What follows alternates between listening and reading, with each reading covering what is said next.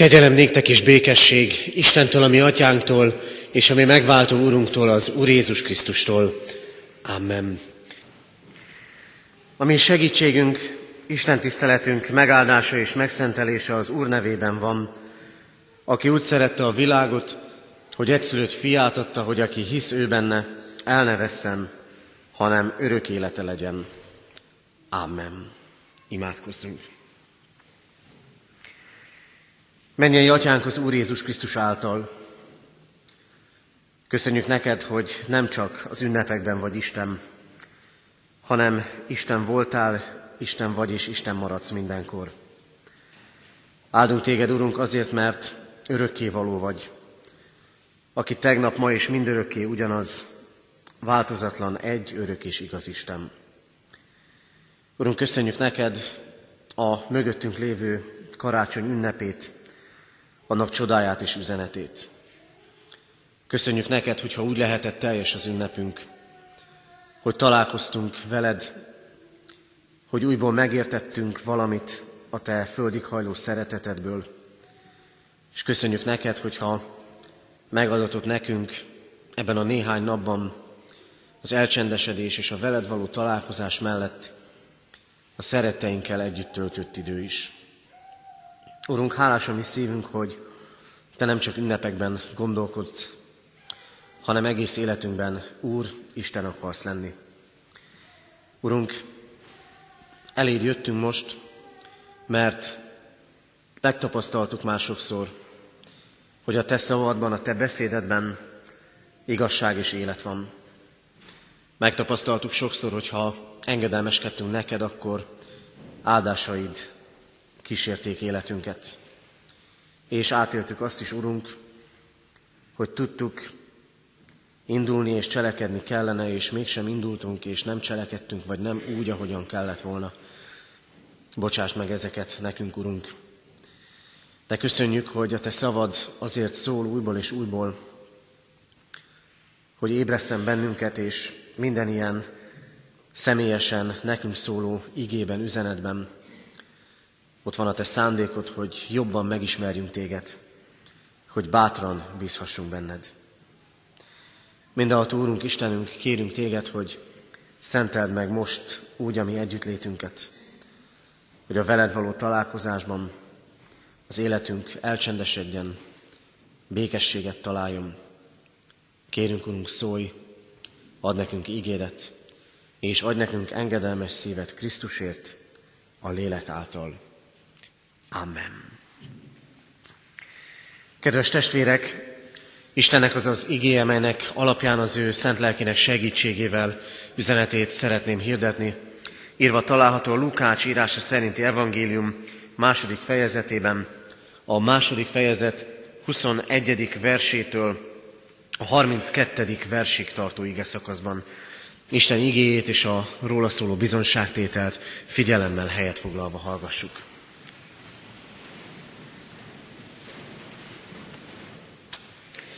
Lukács evangéliuma második fejezetének 21. versétől így szól Isten igéje. Amikor a nyolc nap elmúlt és körül kellett őt metélni, a Jézus nevet adták neki, ahogyan az angyal nevezte őt, mielőtt még anyja méhében megfogant. Amikor leteltek a tisztulásnak Mózes törvényében megszabott napjai, felvitték Jézust Jeruzsálembe, hogy bemutassák az Úrnak, amint megvan írva az Úr törvényében, hogy minden elsőszülött fiúmagzat az Úrnak szenteltessék, és hogy áldozatot adjanak az Úr törvényében foglalt rendelkezés szerint, egy pár gerlicét vagy két galambfiókát. Íme élt egy ember Jeruzsálemben, akinek Simon volt a neve. Igaz és kegyes ember volt, várta Izrael végasztalását, és a Szentlélek volt rajta. Azt a kijelentést kapta a Szentlélektől, hogy nem hal meg addig, amíg meg nem látja az Úr Krisztusát. A lélek indítására elment a templomba, és amikor a gyermek Jézus bevitték szülei, hogy eleget tegyenek a törvény előírásainak, akkor karjába vette, áldotta az Istent, és ezt mondta, most bocsátod el, Uram, szolgádat, beszédet szerint békességgel, mert meglátták szemeim üdvösségedet, amelyet elkészítettél minden nép szeme láttára, hogy megjelenjék világosságul a pogányoknak, és dicsőségül népednek, Izraelnek. Amen. Kedves testvérek, nagyon sok múlik az időzítésem. Nagyon sok múlik azon, hogy például egy jó szót a jó időben, a megfelelő időben mondjunk, mert ha nem akkor mondunk, akkor nem biztos, hogy a megfelelő hatást érjük el. Sok múlik az időzítésem. Eszembe jutott egy vígjátéknak egyik jelenete, ami arról szól, biztos többen látták, talán a gyerekek jobban meg is tudják mondani, hogy melyik vígjátékról van szó. Van egy olyan szála a történetnek, hogy egy ember kaktuszokkal, virágokkal foglalkozik, és van egy kaktusz, van egy virág, amelyik az élete során egyetlen egyszer virágzik, akkor is csak fél percre, egy percre. Összehívja a közönséget, a barátait, az ismerőseit, hogy várják, mikor nyílik ki a virág, mert lehet tudni az idejét, és történetesen a komisz szomszéd fiú éppen akkor vonja el a figyelmét az idős bácsinak, amikor a virág kinyílik, és lemarad erről az élményről, amiben nagyon sok év munkáját ölte bele. Sok múlik az időzítésem. Aztán tudnánk olyan pillanatokat mondani az életünkből, amelyek egyszeri, megismételhetetlennek tűnő alkalmak. Amik már nem jönnek vissza, vagy csak hasonló jön vissza, és már nem úgy történnek meg a dolgok. Vagy, hogy mondjak még egyet, aki gyakran vezet autót, akár itt Kecskeméten járva a külső körúton, néha talán bosszankodik, hogy az egyik lámpánál zöldet kap, és szépen megy, megy, és mindig le kell állni, mert megint piros van, meg megint piros van. És ehhez képest mekkora nagy élmény egy zöld hullám. Lehet menni. Ritmusa van a dolognak. És hogy miért mondom el ezeket a példákat?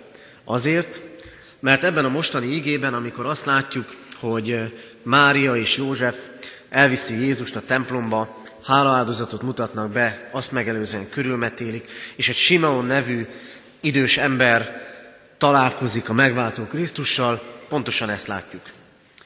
Hogy valami zseniális időzítés történik ebben a történetben. Hogy minden a helyére kerül. Hogy nagy összerendeződések vannak itt. Mert a történetnek két szála bizonyosan van. Az egyik az, hogy az isteni terv kibontakozik az, hogy eljött az üdvözítő a világra.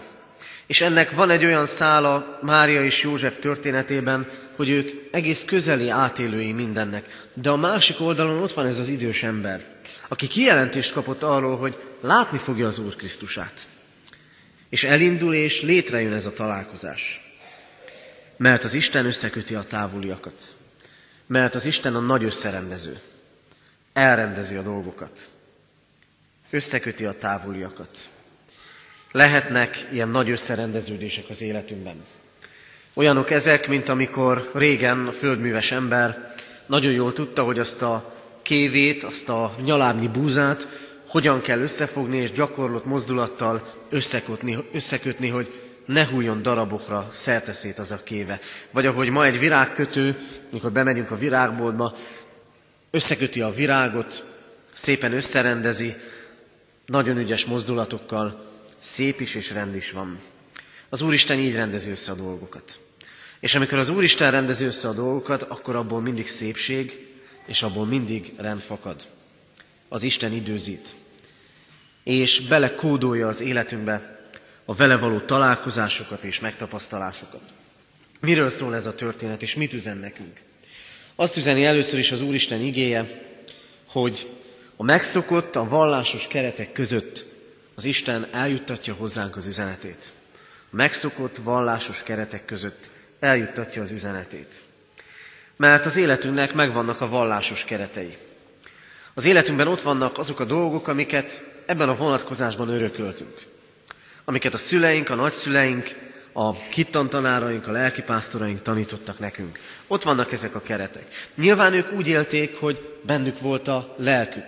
Mi talán kicsi gyermekként, vagy lassan növe, növekedve csak a kereteket láttuk, hogy az Isten tisztelet hogy megy, amikor beharangoznak, hogyan megy egy úrvacsora, hogyan megy egy keresztelő. És ott vannak a vallásosságunknak a személyes, egyéni csendességben megtartott szokásai is. És ezeket a kereteket Nagyon sokan talán régiesnek és ódivatúnak mondják. De azt gondolom, hogy igaz lehetett ez abban az időben, amikor Mária és József elvitte a gyermekét körülmetélni. Amikor aztán elmentek a templomba, hogy áldozatot mutassanak be. Akkor is megtörténhetett, hogy bár mindenki körülmetélte a gyermekét, de mégis érezhették, hogy van ebben valami régies dolog.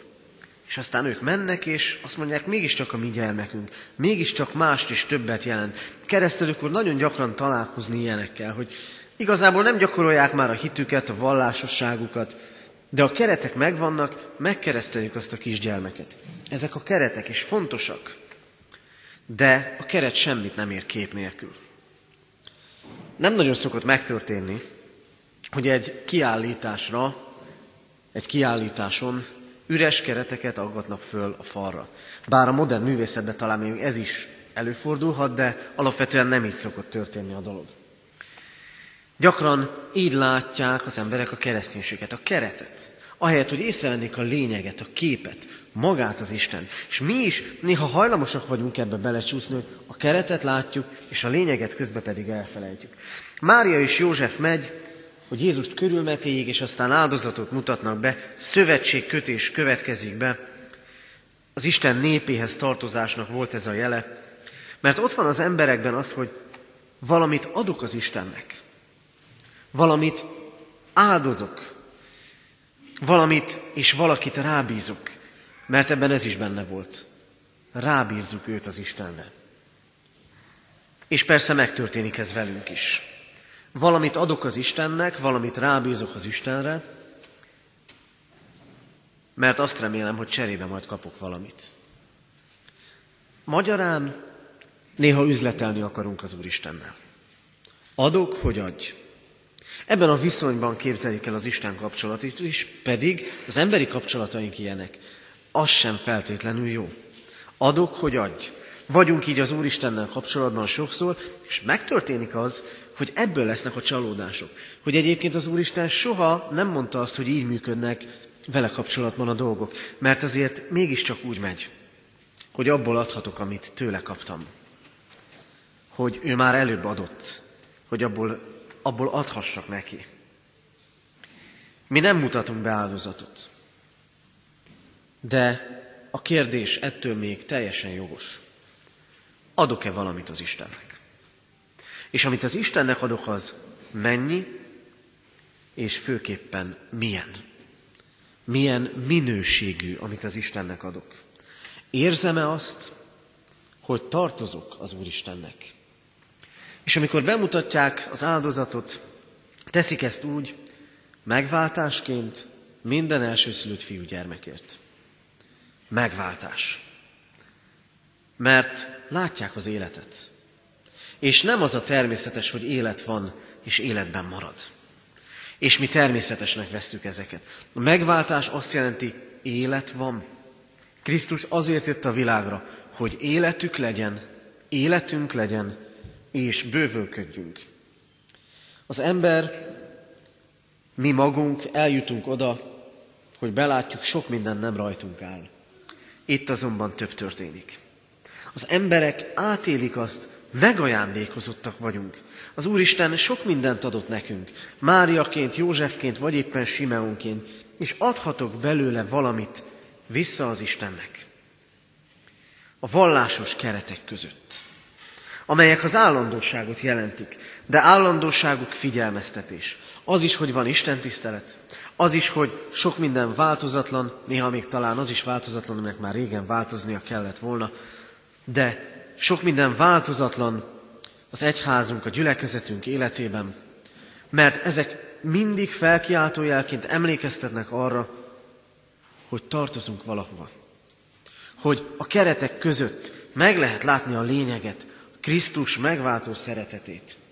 Ami van, nem a miénk, de rábízható az Istenre. Megváltott emberek vagyunk, mégpedig örök életre megváltottak.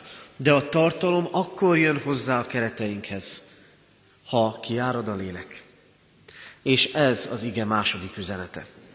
A Szentlélek jelen van és kiárad, és ahol a Szentlélek jelen van, ott történnek indítatások, és ott bizonyságokat fogadni az Isten. Itt van ez a Simeon nevű ember.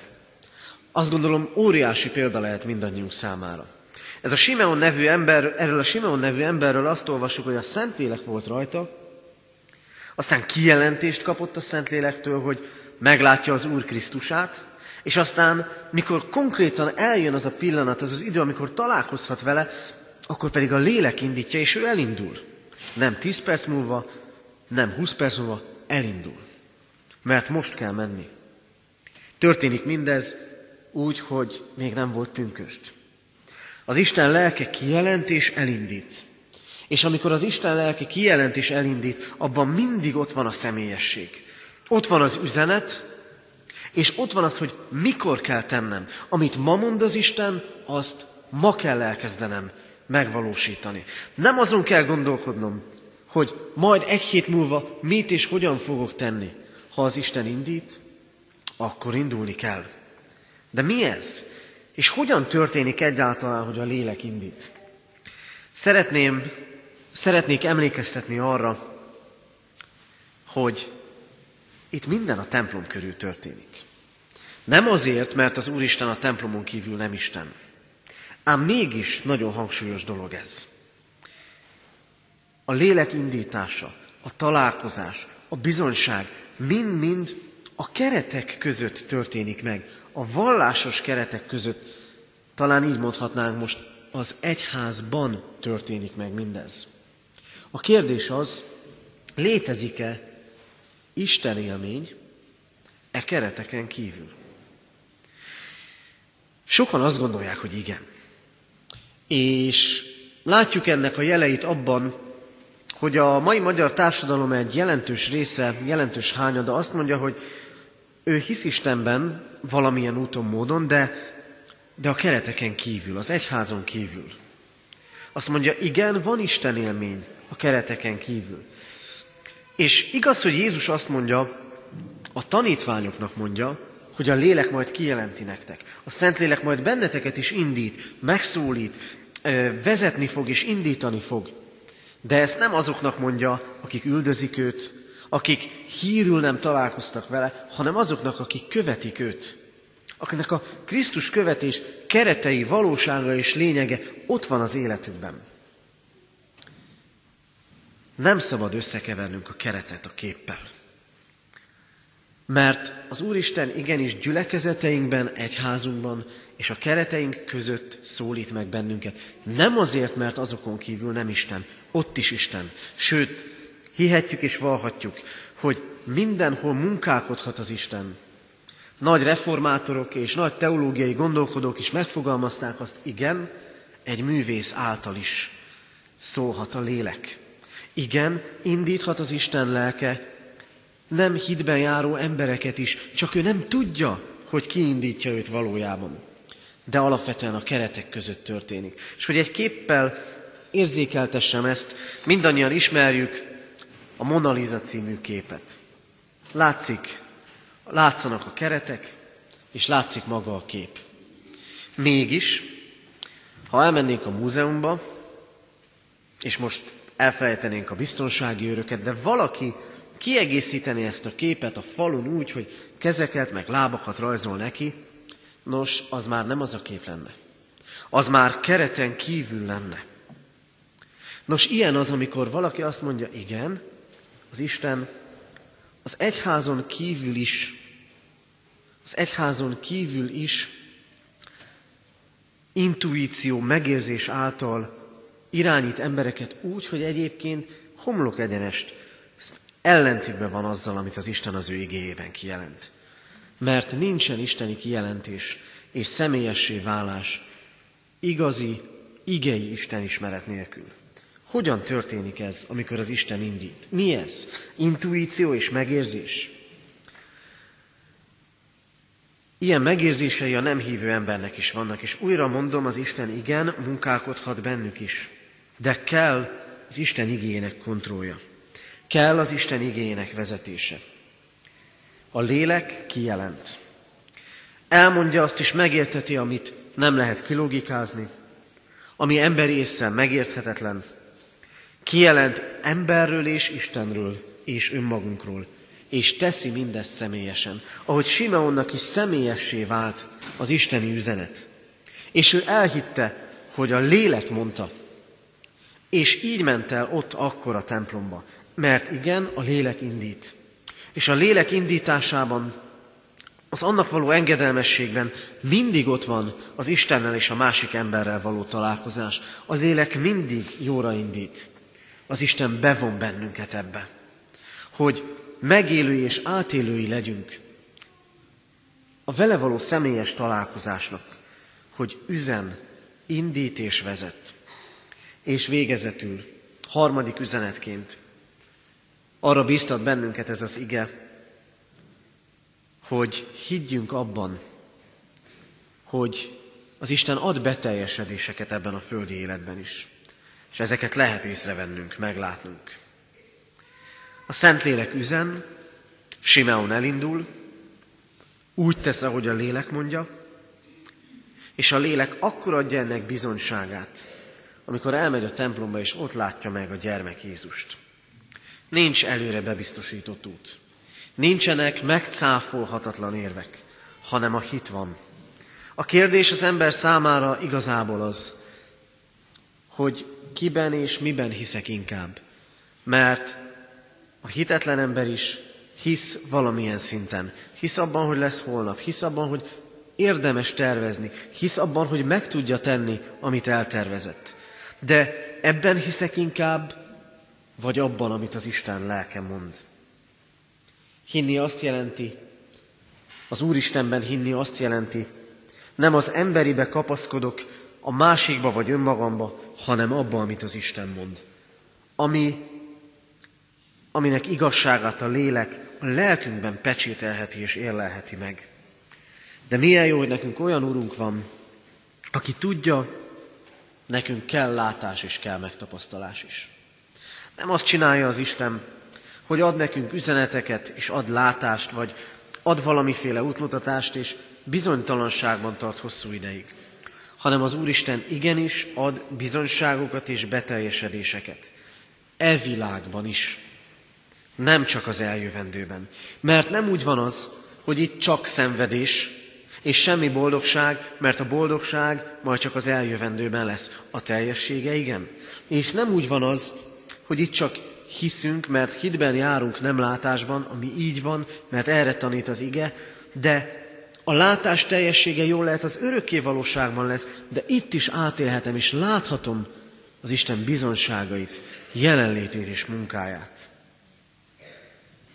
Kell, hogy tapasztaljunk, mert az Isten erősíteni akar, bizonyságokat ad, ahogy tette Simeonnal is. És milyen érdekes, évek óta ott volt ez az ember a templomba.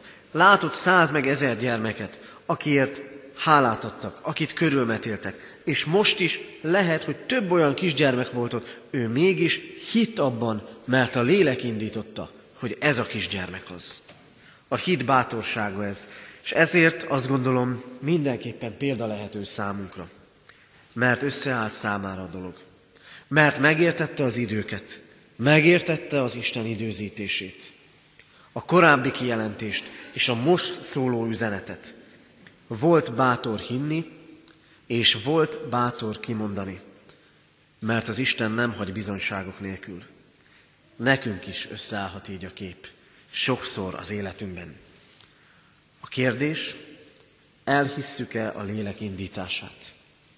Kedves testvérek, ahogy említettem már, Simeon sok száz és ezer ilyen történetet láthatott, és mégis az az egy volt a csodaszerű, és abban láthatta, hogy az Úristen hogyan kötötte össze a szálakat.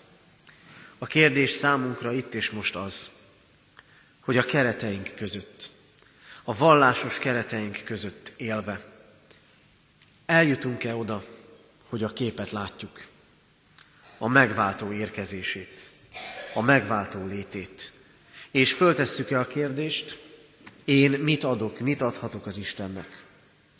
A lélek minket is indít, jóra indít. A lélek nekünk is üzen, minnyájunknak személyesen, és a lélek bizonyságot ad. Legyünk bátrak, legyünk bátrak észrevenni az Isten jeleit. Legyünk bátrak indulni, ha ő indít, mert ő mindig személyesen szól, és ő látást akar adni itt a világban, hogy a látás teljességét majd az eljövendőben átélhessük. Az Isten jól időzít, mi legyünk ott, amikor az Isten szól, cselekedjünk engedelmesen neki, hogy bizonságai útján járhassunk. Amen. Isten igére válaszul most hajtsuk meg a fejünket és imádkozzunk.